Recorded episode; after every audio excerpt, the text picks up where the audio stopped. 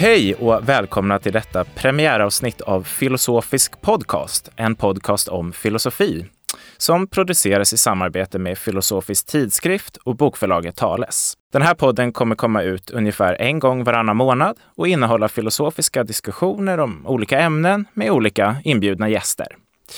Vi är tre filosofer som gör den här podden. Det är jag, som heter Nils Sylvan och är doktorand i praktisk filosofi vid Stockholms universitet. Och det är jag, Stina Björkholm, som också är doktorand i praktisk filosofi vid Stockholms universitet. Och det är jag, eh, Olle Risberg. Jag är forskare vid Uppsala universitet och också redaktör för Filosofisk tidskrift tillsammans med Jens Johansson.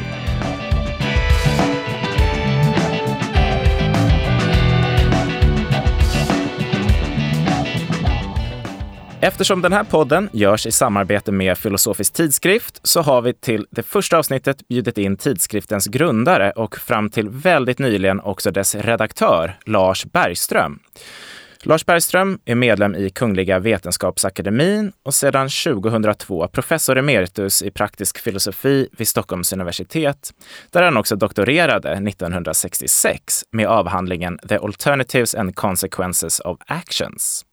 1974 blev han professor i praktisk filosofi vid Uppsala universitet innan han 13 år senare, 1987, återvände till huvudstaden för att bli professor i praktisk filosofi vid Stockholms universitet, vilket han alltså var fram till sin pensionering 2002. Det är många filosofiska verk som bär Lars Bergströms signatur. Och ska vi bara framhålla två så kan vi nämna Grundbok i värdeteori från 1990 och det senaste släppet Varats dunkla skrymslen från 2018, båda utgivna på Tales. Hej Lars och välkommen! För våra lyssnares skull kanske vi också ska säga att du finns med oss på Zoom. Ja, hej! Tack för att jag fick komma in här i Zoom-rummet. Vi eh, tänkte börja det här samtalet från allra första början. Du disputerar 1966. Vad var det som gjorde att du blev intresserad av filosofi? Det var ganska mycket en slump faktiskt. Jag tänkte ursprungligen lite vagt att jag skulle bli psykiater. Och då skulle man ju komma in på Karolinska läkarutbildning men jag hade för dåliga studentbetyg. Så jag började läsa psykologi istället. Men sen fick man inte gå vidare på andra terminen om man inte hade tillräckligt många andra akademiska betyg. Så då hoppade jag över till filosofi. Jag trodde att det var ungefär samma sak. Och det var ju inte riktigt, men ja, det var det som blev början helt enkelt. Fastnade du direkt för filosofin? Eh, ja, inte riktigt kanske. vi, vi hade alltså då en lärare som egentligen inte kunde så mycket praktisk filosofi. Han var egentligen vetenskapsteoretiker, hade skrivit om Einsteins relativitetsteori. Men vi, han hade då plockat fram en bok som då var väldigt aktuell, nämligen Richard Hares The Language of Morals. Den hade vi seminarier om och det där tyckte jag var rätt intressant. Men, men sen terminen därpå så, så gick jag över till eh, sociologi istället. Men sen kom jag tillbaks till filosofi och då hade Harald Ofstad kommit till Stockholm som lärare och han var ju väldigt inspirerande så då blev jag fast egentligen kan man säga. För de som inte känner igen eh, eller känner till din avhandling, eh, skulle du kunna säga någonting lite kortfattat om vad den handlade om och hur du kom fram till att det var det som du ville skriva om? Ja, alltså det började väl med att jag tänkte att jag skulle skriva om alla möjliga invändningar som hade riktats mot utilitarism. Det fanns, det fanns en stor diskussion om det och jag tänkte försöka gå igenom det där och bedöma de här argumenten. Och då skulle jag börja med att formulera utilitarismen, tala om vad det var för någonting och det där visade sig vara ganska jobbigt. Och ungefär i samma veva så blev jag engagerad i en undersökning som gjordes av Utrikespolitiska institutet och FOA och kanske någon mer som skulle handla om svenska atomvapen. Och där, där var alltså Anders Wedberg som var professor i Stockholm då var med. Och han rekryterade mig dit. Det var nämligen tre grupper som ingick där. En grupp skulle tala om de eh, militärpolitiska konsekvenserna av svenska atomvapen. och en skulle tala om de utrikespolitiska konsekvenserna. Och så var det en tredje grupp som var mer metodologisk som skulle tala om hur de andra två grupperna skulle tänka på det här. Och den kom jag med i då. Jag och Anders Svedberg, kanske någon mer, jag minns inte riktigt. Och då började jag ju gå upp för mig det här, ja men alltså svenska atomvapen det är ju en sak men vad är alternativen här egentligen? Är det att, att ska man, är det bara att inte ha svenska atomvapen eller är det att inte ha svenska atomvapen men gå med i NATO? Eller att inte gå med i NATO? Eller att upprusta mer konventionellt eller inte göra det och så vidare. Det verkar plötsligt som en väldigt oöverskådlig mängd utav möjliga alternativ. Jag förstod inte riktigt hur man skulle välja mellan de där. Och eh, sen så, ja det här med konsekvens var ju också lite svårhanterligt. Man visste inte riktigt vad man menade med konsekvenser, om de ska vara förutsägbara på något sätt eller inte och sådär. Så att eh, det där var ju ett problem så att, eh, som hade med formuleringen av utilitarism att göra. Men till sist så blev det ju bara de här två problemen egentligen jag tog upp. Och det var ju också eh, ganska eh, problematiskt på det sättet att ingen hade skrivit om det här egentligen tidigare, så vitt jag kunde se. Jag läste en del spelteori och beslutsteori och sånt där, men men de hade inte egentligen något svar på det här med vad alternativ var. De bara förutsatte det. De hade en matris så att säga då. Eh, och eh, ja, så att jag fick börja egentligen från scratch. Det var på, ett sätt så, på ett sätt så var det behagligt för jag behövde inte läsa in mig på så mycket. Å andra sidan så var det, eh, var det ju eh, lite knepigt så här i början. Man blir lite fumlig när man vet hur man ska hantera någonting nytt.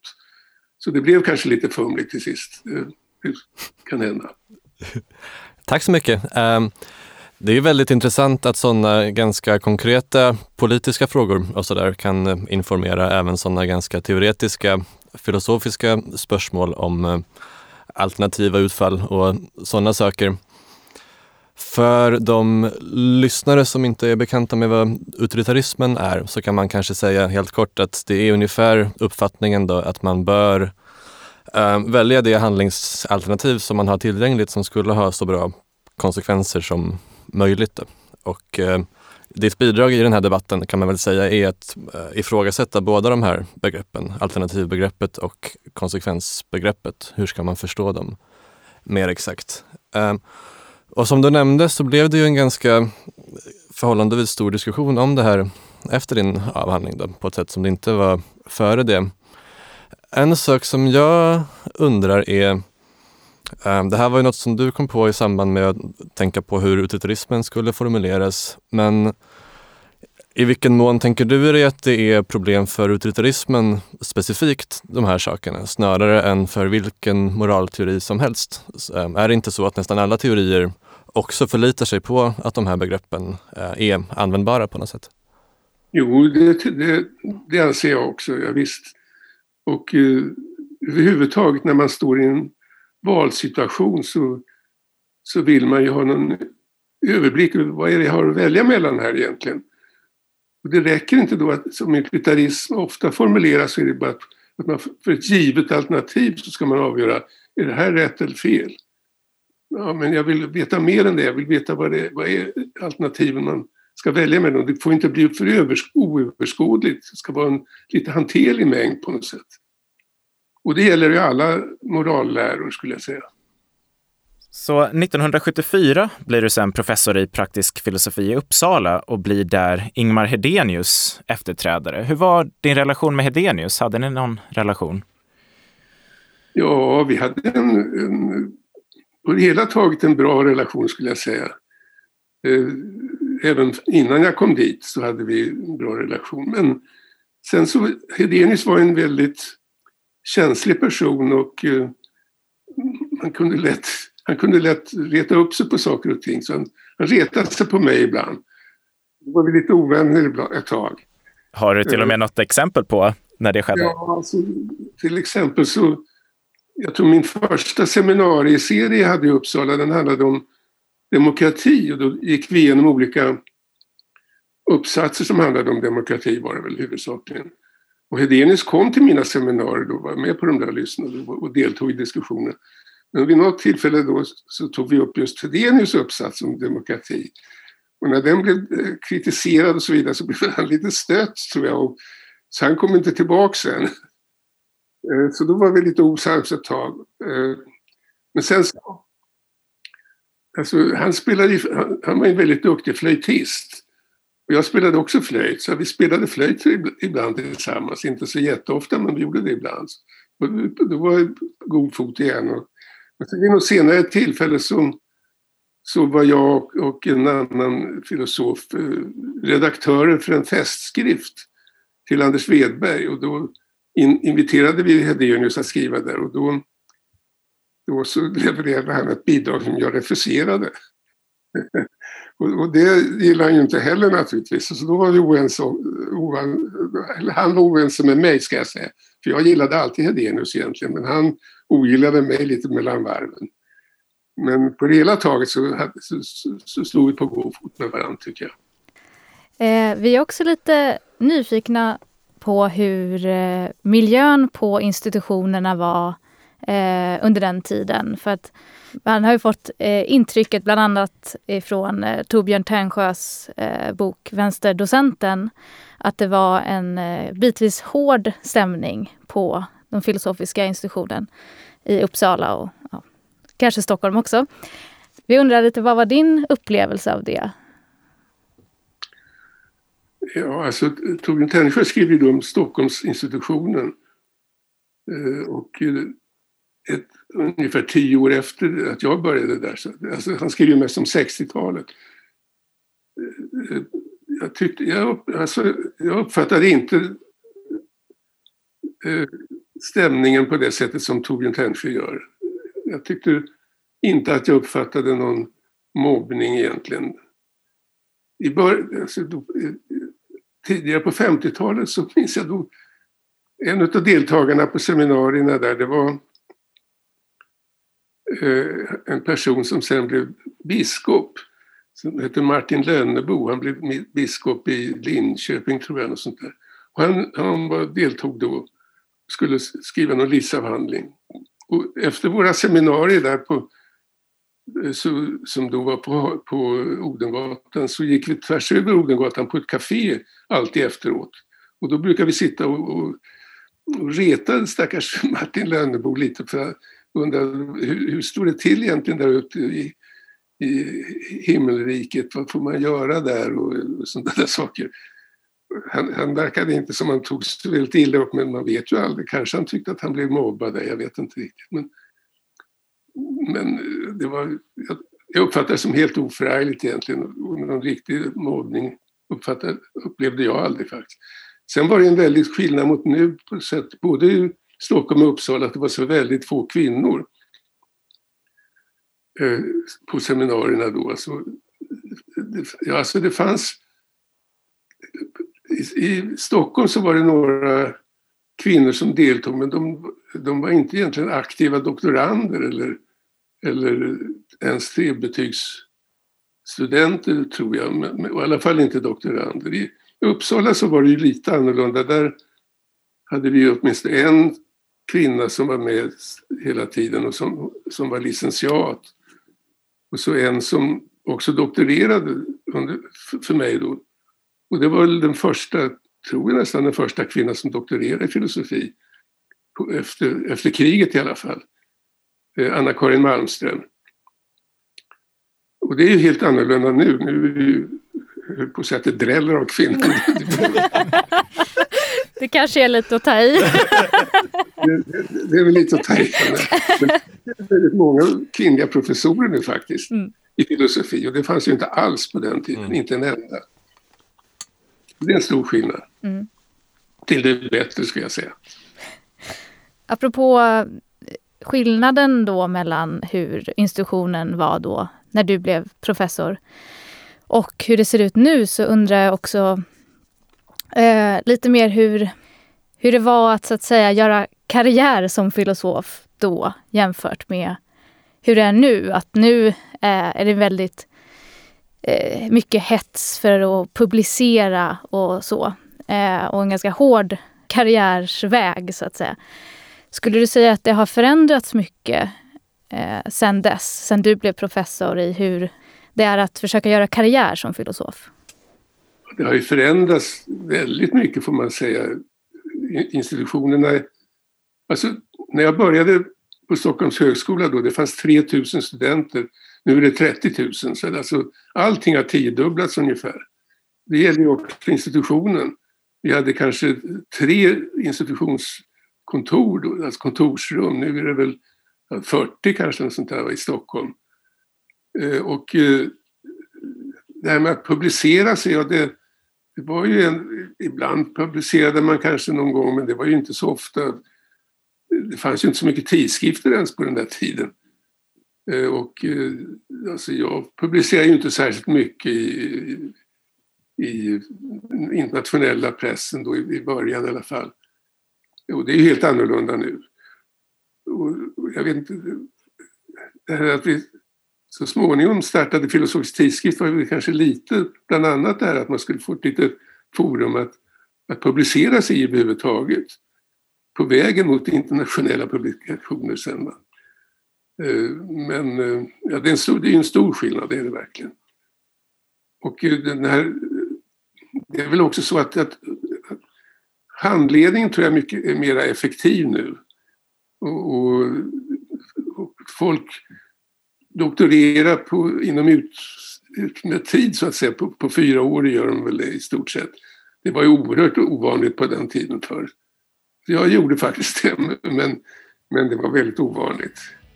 Många satt ju där år efter år efter år och det blev liksom aldrig någonting.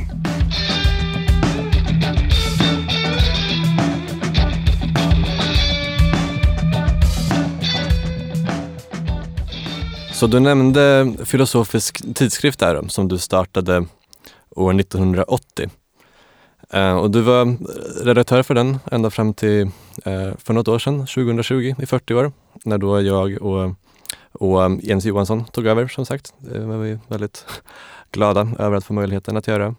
Och du nämnde att en sak som, som motiverade det här beslutet var då att ge personer någon sorts möjlighet att publicera sig på, på svenska innan man ger sig på de här internationella tidskrifterna. Eh, var det något annat som låg bakom det här beslutet som du tyckte var viktigt?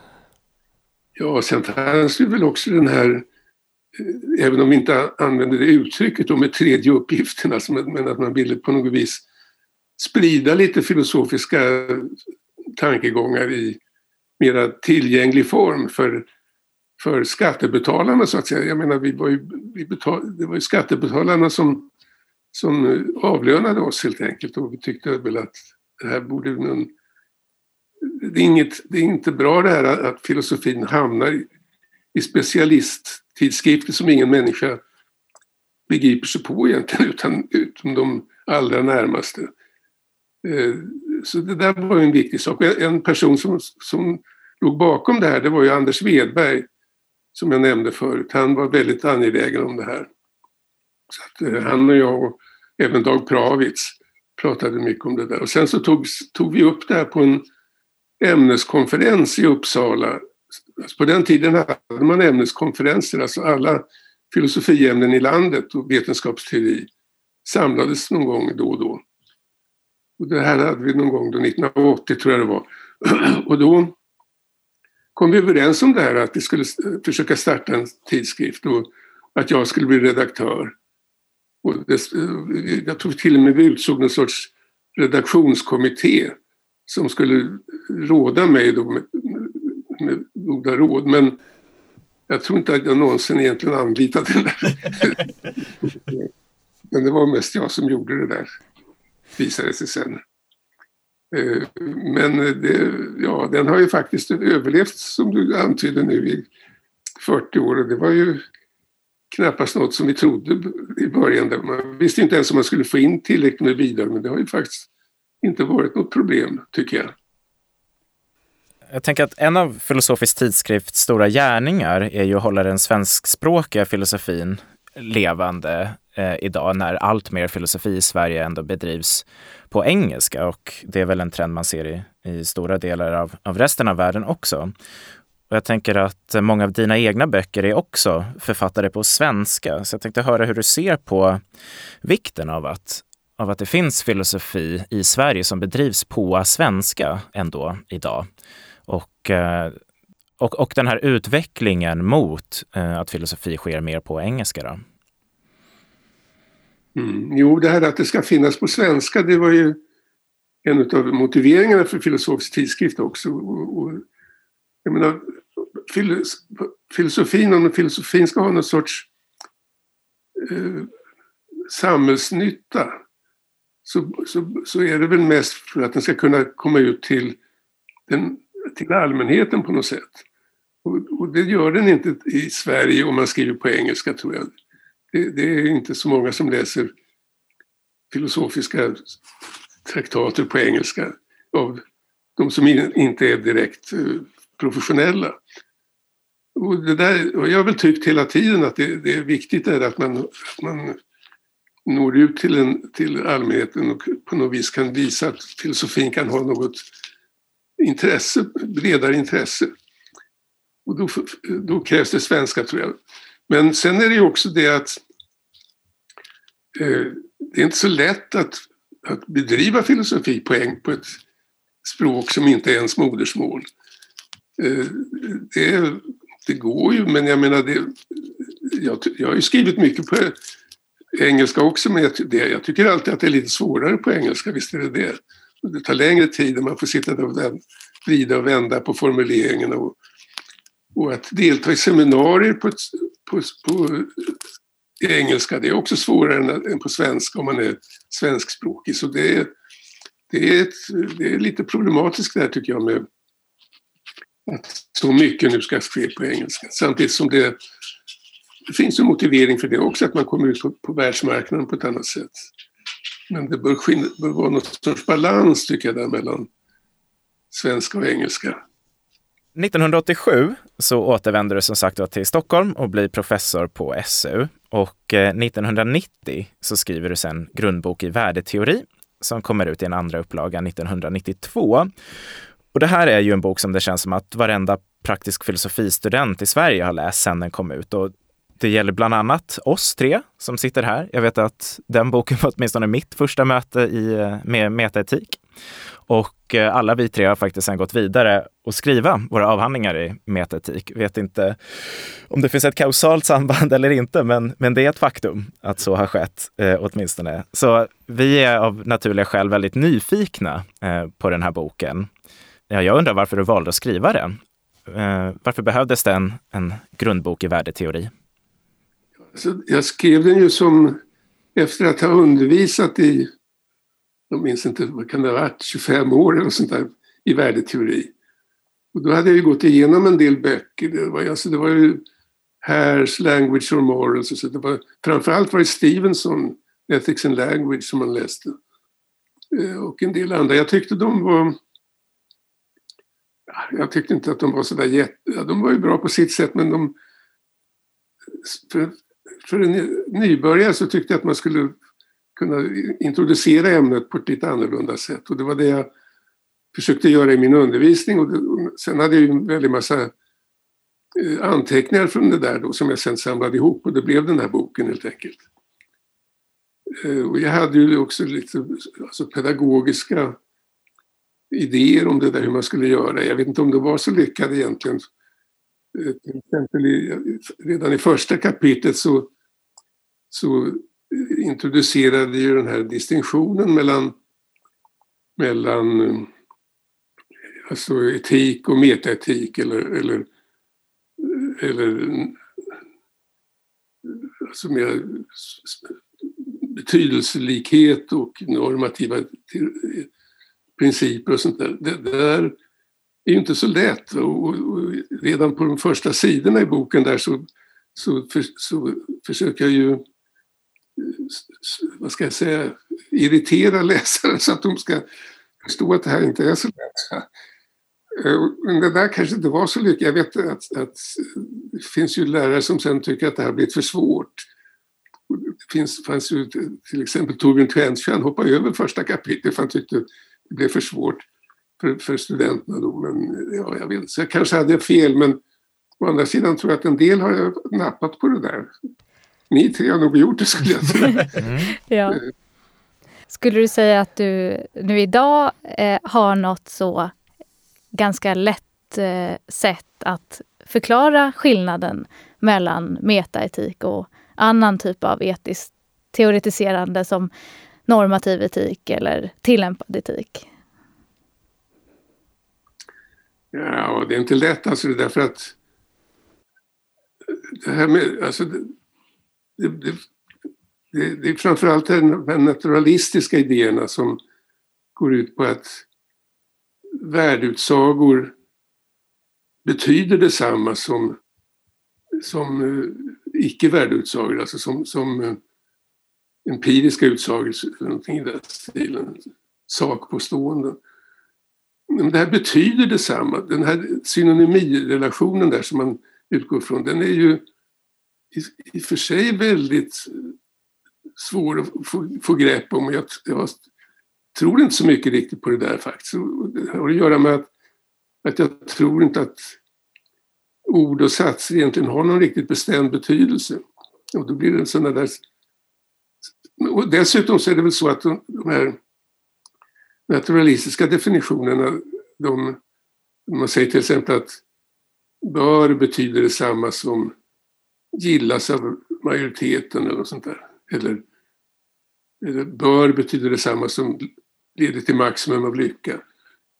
På ett sätt så är det där uppenbart fel och inte betyder det detsamma. Det, det, det, vem som helst som kan svenska förstår att det betyder inte samma. Så att man kanske inte ska förstå de där naturalistiska idéerna på, på det sättet. Och, och, men om man inte ska förstå dem så, ja, då blir det svårt att veta hur de skiljer sig från normativa principer. Eh, och eh, ja, nej, det är inte lätt att förklara den där skillnaden faktiskt. Och, och det, det, I boken så går jag också så långt att jag ifrågasätter den där distinktionen helt och hållet. Så en sak man kan fråga sig här är är det just i, i metaetiken specifikt som du tänker att det finns svårigheter i hur man ska förstå den här typen av teorier? Eh, för jag menar, om någon föreslår att till exempel kunskapsbegreppet ska analyseras som sann rättfärdigad tro plus kanske något fjärde villkor. Skulle du säga att även i den typen av förslag är det svårt att förstå den här typen av analys eller den här synonymirelationen som åberopas? Eller är det just i i metaetiken som, de här, som det finns några särskilda problem? När det gäller kunskapstanken där, att det är sann och heter det, rättfärdiga tro. Där har man väl egentligen i allmänhet inte sagt att de betyder detsamma. Det är väl ingen som tror att det betyder detsamma utan man tänker sig att någonting är kunskap om och endast om det är sann bekräftad tro. Inte ens det stämmer väl men det är så man har tänkt sig i alla fall. Så där uppstod inte riktigt det här. Men om du tar något annat, till exempel sanning. Om man säger att sanning är, det, eh, är detsamma som överensstämmelse med verkligheten till exempel. Ja, det har ju ofta uppfattats det där som en definition, att det, är, det sanning betyder. Men jag tror inte att det är så man ska förstå, lämpligen bör förstå det där egentligen, utan det är det att på samma sätt som med kunskap att någonting är sant om och endast om det överensstämmer med verkligheten. Det, det kan stämma. Men, in, men, men, men sann betyder inte det där. Det, det finns inte någon liksom, språklig evidens för att det skulle vara synonym, synonymt om man nu ens förstår vad synonymi är. Så att eh, svaret på din fråga är väl att, att det är samma, ja, samma eller lite likartade problem även inom andra områden. Men det finns ju en hel del naturalistiska teorier i just metaetik som inte längre vill eh, säga att det, är, att det är sån synonymi mellan moraliska begrepp och någon typ av deskriptiv begrepp. Eller, ja, mm.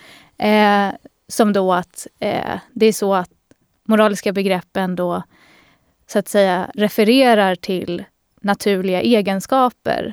Men det råder ändå inte det är inte en del av meningen hos begreppet ändå på det, på det sättet. Mm. Skulle du säga att sådana naturalistiska teorier är, eh, är mer rimliga? Eller har du, har du svårt för dem också? Eh, jag har svårt för dem, men, men, men de är mer rimliga skulle jag säga. Eh, och jag tar ju upp det i boken också faktiskt. Eh, men och där så säger jag att det blir lite svårt att skilja på den sortens naturalism och, och normativa principer. Så det är en svårighet med det där. Men en annan svårighet är det där med att det är samma egenskap. Jag menar vad är en egenskap? Det vet vi inte heller riktigt vad det är. Och det, det är ju ett, ett så allmänt känt eh, förhållande som bland annat påpekats av min idol Willard Quine som jag brukar hänvisa till. Alltså att det finns inga identitetskriterier på, för egenskaper. Man vet inte under vilka betingelser två egenskaper är en och densamma. Alltså, så att säga. Så att den, här, den, där tolkning, den där sortens naturalism är på det viset också problematisk. Men inte lika problematisk som den synonymivarianterna. Om man nu blir klokare på detta. Finns det någonting eh, i den här boken som du så här med facit i hand hade gjort annorlunda? Eller står du fortfarande fast vid det du har skrivit så här i efterhand? Det är väl inte något som jag tycker är så uppenbart fel eller pinsamt. Och så där. Men, men den, alltså den är kanske för kanske för svårläst trots allt. Det är möjligt. Att den, är, den är väldigt kompakt alltså. Och eh, det är inte, jag tror inte att det kanske är alla som orkar läsa den då på det sätt som man måste för att kunna förstå det. Det, det, det, det kanske är för kompakt helt enkelt. Och, eh, eh, senare, senare har jag försökt skriva lite mera luftigt. Och det hade kanske varit bättre att göra det då också.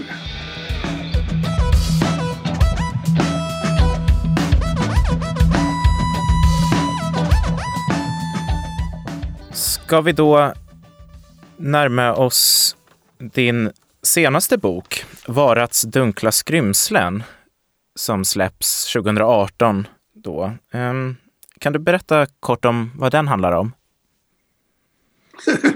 ja, det, det är inte rätt, för den handlar ju om allt möjligt, verkligen. Mm. Men eh, ja, det är ju...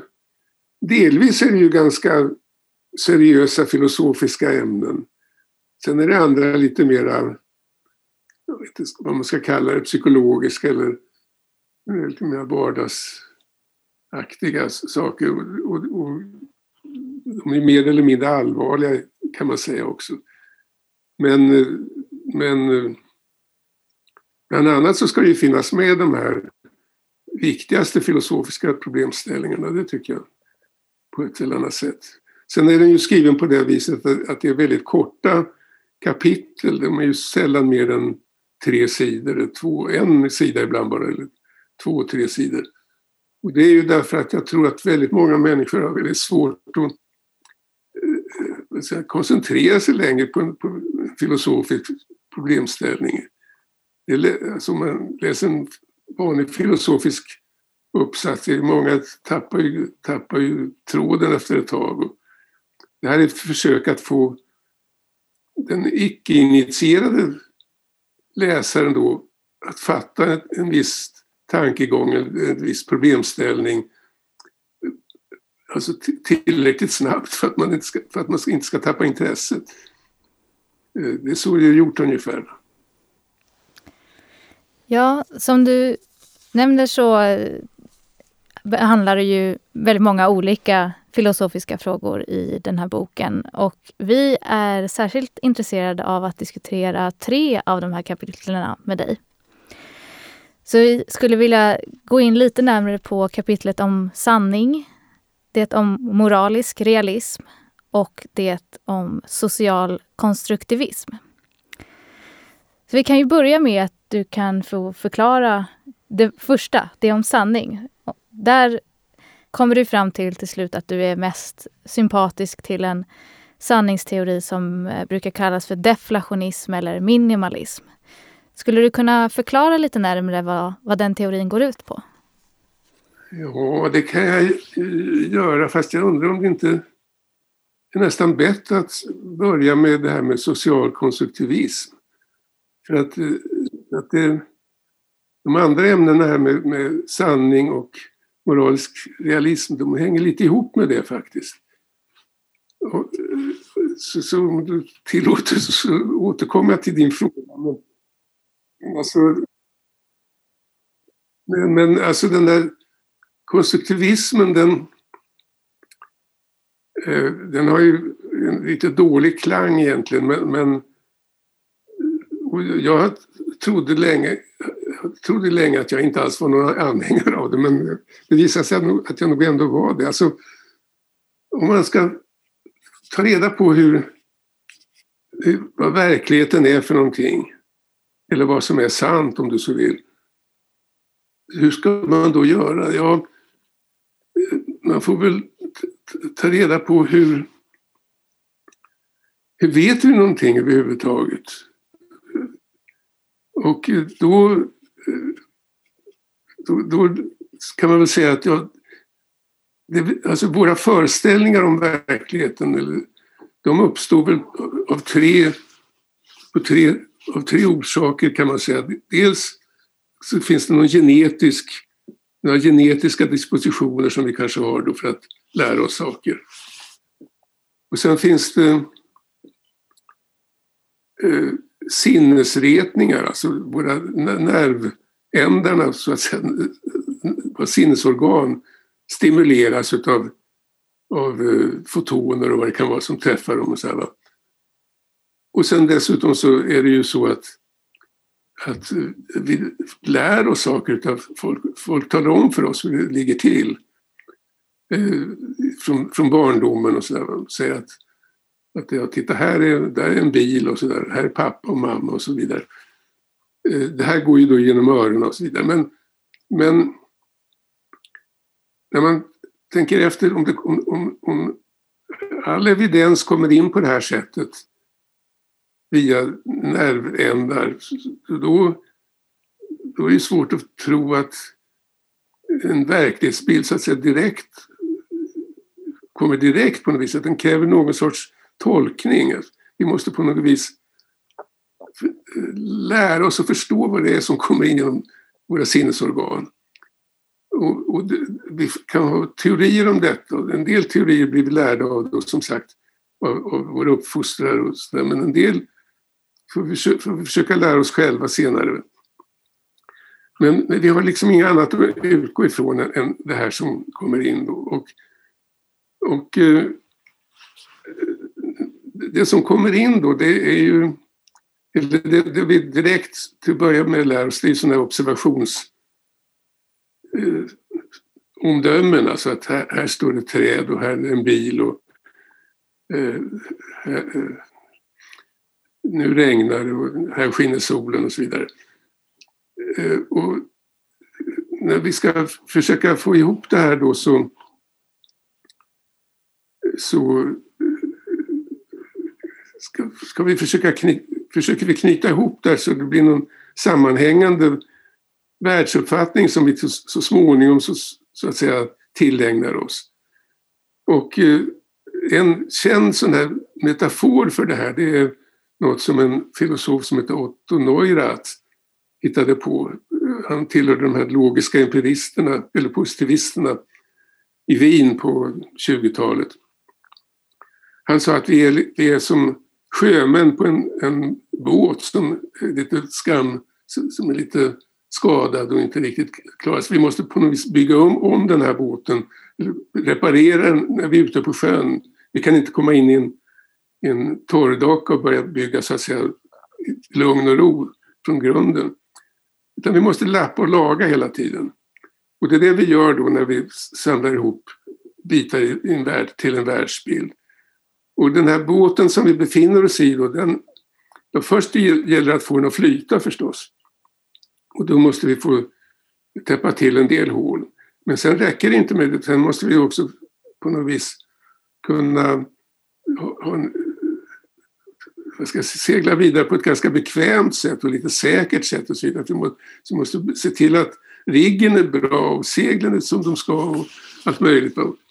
Och hela den där uppbyggnaden, det är då någonting som vi får göra från, från det vi redan så att säga har lärt oss. Och på det sättet så kommer vi aldrig utanför det som vi har lärt oss. Så att sanningen på något vis uppstår i den här processen. Så att vi, vi konstruerar helt enkelt på det viset en verklighet. Och då finns det ju då förstås de som säger att ja, ja, men den här konstruktionen det är bara vår bild av verkligheten, det är inte kanske själva verkligheten. Och det kan man ju om man så vill säga, men det är lika, det är lika eh, vad ska vi säga, eh, ja, inte, inte riktigt meningslöst, men ganska nästan åt det hållet som att säga att ja, men bortom vår värld nu som vi upplever här omkring oss, så här, alltså den, den här världen, det är egentligen bara en, en illusion. Den är, vi lever i själva verket i någon sån här datorsimulering ungefär som, som den här filmen Matrix. Så, det, så det, det, är någon som har suttit och gjort något datorprogram som bygger upp där och, så sitter, och vi är bara, vi är bara alltså, skapelser inom denna datorsimulering. Ja, det kan man ju säga om man vill och man kan ju säga att eh, det finns någonting där bakom men det är på något sätt ointressant för att fortfarande är det ju så att att jag bor på den här gatan som jag bor på, på Telegrafgränd. Eh, och det är sant. Oavsett om det nu är eh, eh åstadkommet utan datorsimulering. Eller, och att, eh, att jag åt strömming igår och det är också sant. Va? Även om det var en datorsimulering som ytterst på något sätt gjorde det här. Så den, den, den enda verklighet vi är intresserade av det är egentligen den som vi konstruerar. Och den kan bara gå fel på ett sätt, nämligen att den inte hänger ihop. Den kan inte gå fel på det sättet att ja, alltså allting var fel därför att det var, en, det var bara en datorsimulering. Ja, men den är inte fel utav det skälet. Det, det här är bara något extra påhäng som, som, som inte spelar någon roll egentligen. Så därför är den här socialkonstruktivismen tycker jag en rimlig uppfattning. Och dessutom är det ju så att när vi konstruerar den här så är, är det ju inte som man kanske skulle kunna tro att vi har något fritt val här utan vi konstruerar den på det sättet som våra hjärnor får det att göra och hjärnan är ju påverkad utav på alla möjliga sätt så att vi har inget, verkligheten får oss att konstruera verkligheten på det här sättet. Verkligheten skapar på sätt och vis sig själv på det här sättet via oss. Det är så jag ser det. Och ser man det så, nu kanske jag blir lite långrandig här, men, men men då kommer vi tillbaka till det här med sanning. Alltså vad är sanning då? Ja, där finns det ju de här tre olika teorierna. Som du sa, minimalism eller deflationism är ofta har anslutit mig till då. Eh, och det finns ju också den här korrespondensteorin, sanning överensstämmelse med verkligheten. Det finns koherensteorin, det som hänger ihop är sant. Det finns den här pragmatismen, att det som håller i längden så att säga, det är sant. Om man då tror att det här är olika förslag till vad sanning betyder, då har man ju det här problemet som jag förut var inne på. Det är inte rimligt. Va? Det här är olika teorier och ser man det så så kan man, tycker jag, säga att ja, de här är väl egentligen korrekta allihop. Det är bara det att de, de är ju inte så jätte eh, ordentligt precis utformade. Jag menar, vad är egentligen koherens och vad är korrespondens och sånt där? Och håller i långa loppet, vad är det? Och så att eh, det där kan man ju diskutera, men om man ser på det ur den här konstruktivistiska synpunkten så är det inte så konstigt. Alltså vi konstruerar det som håller i längden. Vi, vi, vi får reparera, slänga bort sånt som inte eh, stämmer överens. Vi arbetar oss fram mot något ideellt mål där som alltihop går ihop. Det stämmer ju med pragmatismen. Det stämmer med koherensteorin, alltså vi försöker få det hela att gå ihop på ett sätt så att det, olika delar förklaras, förklarar andra delar och så vidare. Allting går ihop logiskt. Och det stämmer med korrespondensteorin för att det som vi, vår bild av verkligheten, det, det, är ju, den, det är ju verkligheten så det stämmer överens. Och det stämmer med, med deflationismen också för att det är klart att säga nu att det är sant att solen skiner, ja, det överensstämmer med verkligheten i och med att solen skiner. Det, det, betyder väl inte så mycket annat än att solen skiner. Ja, så att alla de här, den här, de här striderna som har varit om sanningsbegreppet som det heter då, de är på något vis lite poänglösa tycker jag om man ser ur den här konstruktivismens synpunkt. Så det är ett lite långvarigt svar på din fråga där om sanning. Och nu, nu får jag hålla tyst ett tag. Bara ett väldigt litet tag, för jag tänkte fråga dig. Eh, när du introducerar den här sociala konstruktivismen i, i boken då, så säger du ungefär att ja, den här tesen att, att verkligheten skulle vara konstruerad av oss, det låter ju citat väldigt egendomligt och kanske helgalet. Slutcitat, ungefär något sånt. Um, men så som du beskrev den nu så tror jag att många skulle finna den ganska oförarglig. Att det finns vissa sätt på vilka vi formar våra övertygelser om världen och de är påverkade socialt på vissa sätt. Det skulle nog de flesta hålla med om.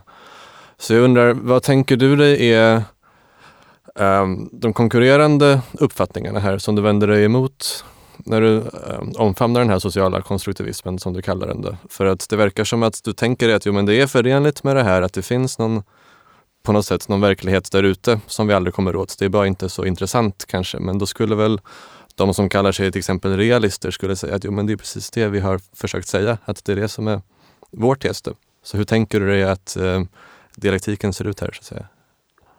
Alltså jag tänker mig att den här konstruktivismen är en form av realism. Eh, det, är ju verkligen sant där som jag nu som man påstår om verkligheten, givet att den här nu konstruktionen hänger ihop. Eh, det, är sant. Och, och eh, hur ska jag säga, alltså, man, alltså man måste skilja mellan, mellan kunskapsteori och ontologi. Alltså en sak är hur kunskapen uppstår. En annan sak är hur verkligheten är beskaffad. Och när man nu säger att, att verkligheten beror på oss så gör den ju det ur kunskapsteoretisk synpunkt. Kunskapen uppstår eh, via oss och det sätt på vilket vi påverkas av gener och sinnesintryck. Men det som uppstår, själva världsbilden, den eh, innehåller ju inte något sådant element som att, att det faktum att solen skiner beror på oss. Utan att solen skiner det beror på olika astronomiska eh, företeelser, fysikaliska företeelser. Jag skulle aldrig kunna förklara eh, alltså kosmologiska eller, eller fysikaliska eller, eller företeelser med hjälp av att ja, men det är det vi tycker eller det vi tror. För det där hör inte till ontologin utan det hör till kunskapsteorin. Så att alltså vad är konkurrenterna säger du då till till den här konstruktivismen? Ja, dels är det väl den här tanken att att, att, det, att, det, ja, att, att det skulle finnas någon sorts uh, som Kant uttryckte ting i sig då, eller som den här Matrix-idén att det finns en datorsimulering utanför det hela. Ja, det, det är på något vis metafysiska påhäng som inte egentligen spelar någon roll, eh, skulle jag säga. Men, men visst, man kan ju tycka så om man vill. Det kan man ju. Eh, en, annan, en annan konkurrent skulle väl vara relativism, att det finns inte en verklighet utan det finns flera. Det finns någonting som är sant för, för oss och sen någonting som är sant för er andra. Eh, det skulle tyda på att det finns inte bara en verklighet utan flera verkligheter. Men nu är det ju så att vi faktiskt konstruerar verkligheten så att det finns, den är en.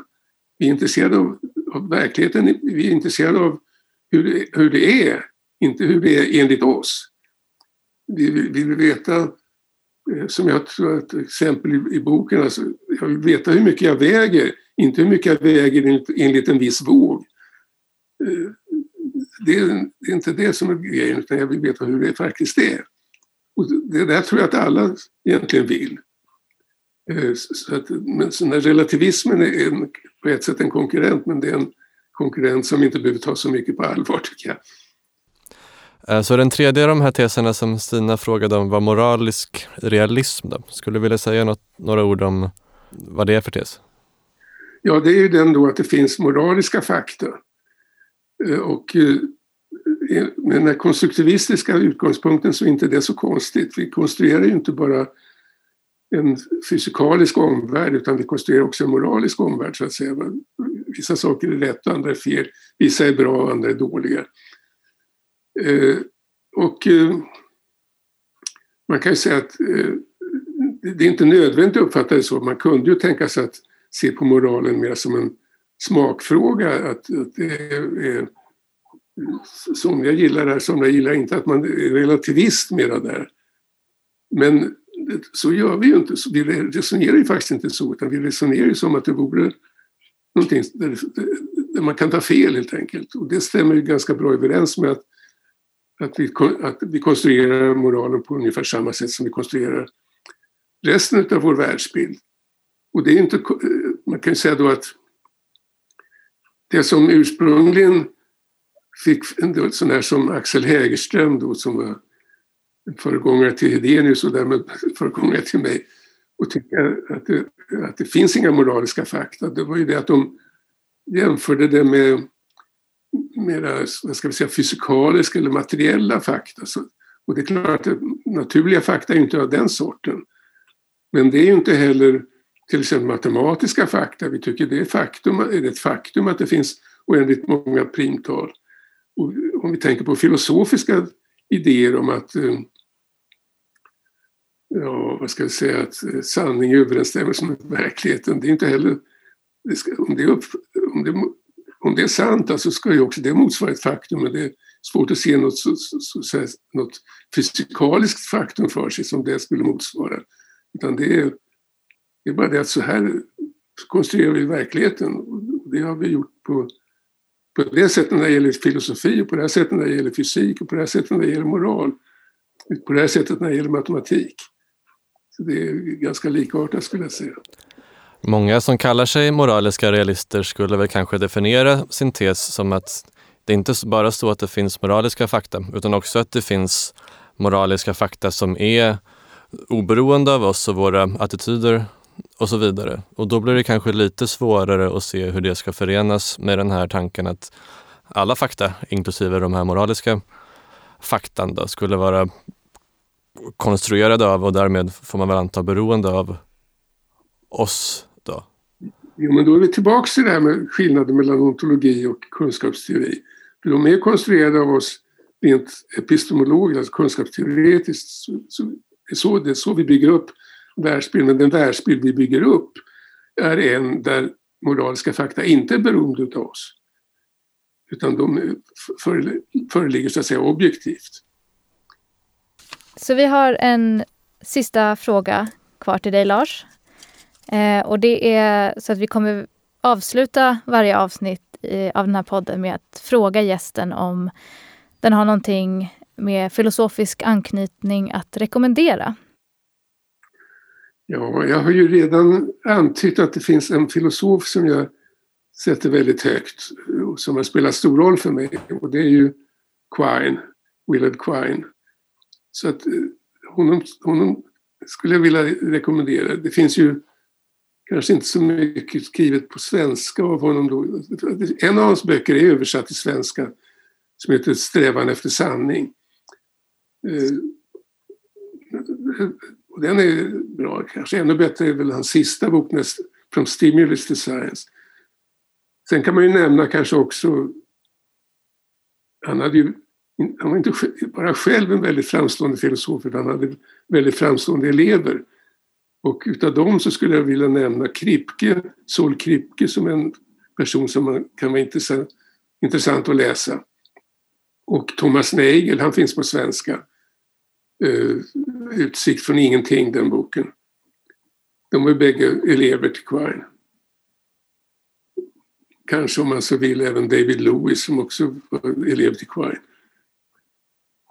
Och kanske också, för att nämna en svensk filosof så skulle jag kanske nämna Anders Wedberg som är väldigt lärorik att läsa, alltså hans filosofihistoria. Med det så är Filosofisk podcast slut för den här gången. Ett stort tack till dig, Lars Bergström, som tog dig tid att svara på våra frågor. Tack också till dig som har lyssnat. Mer information om podden hittar du på vår Facebook-sida Filosofisk tidskrift. Och den sidan får du gärna gilla såklart. Eh, vill du komma i kontakt med oss om du har några synpunkter eller vill tipsa om oss om något ämne som vi borde prata om eller någon person som vi borde prata med, ja, då går det bra att mejla oss på podcast filosofisktidskrift.se. Nästa avsnitt av Filosofisk podcast kommer ut i april. Vi hörs igen då. Hej så länge!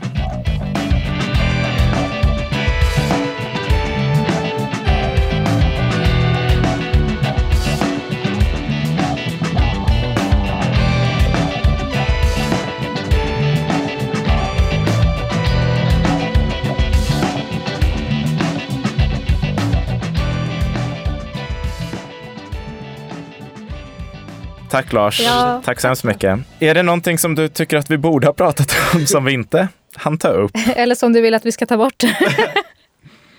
nej, det tycker jag inte. Det, nej, det, nej, det, blir väl, det blev inte så dumt tror jag. Alltså det här med social konstruktivism, det är ju inte så lätt att, att förklara egentligen. Alltså det, och det, jag, jag tog, det tog ganska lång tid för mig. Jag har ju fått det egentligen från Quine, men men, men eh, det tog rätt lång tid för mig att riktigt smälta Quine på mm. den punkten. Det måste jag säga. Ja, det är just den här som du var inne på, den, det här eh, förhållandet mellan kunskapsteori och ontologi och sånt där som jag tycker är svårt att jonglera med. För att ibland verkar det som att man håller på med den ena saken och sen säger folk ibland som säger sig vara Quine-anhängare att nej men det finns inte någon någon skarp distinktion mellan de här i det här synsättet och det är därför saker och ting flyter ihop lite grann. Medan du verkar insistera på att nej, tvärtom finns det en väldigt viktig distinktion här. Så att... Jo, det, alltså det finns en, en viktig skillnad men samtidigt så säger Quine att kunskapsteorin innehåller ontologin och ontologin innehåller kunskapsteorin. Alltså ömsesidigt. det är en hisnande test. Det är inte så lätt. Nej, till och med svårt. Ja, jag tror att det kommer vara slutsatsen på de flesta avsnitten. Ja, det, är inte så, så lätt. lätt. ja, vad, vad trevligt. Mm. Så stänger vi av nu då. Det gör vi. Det. Tack okay. igen. Hej. Ha det så bra. Hej då.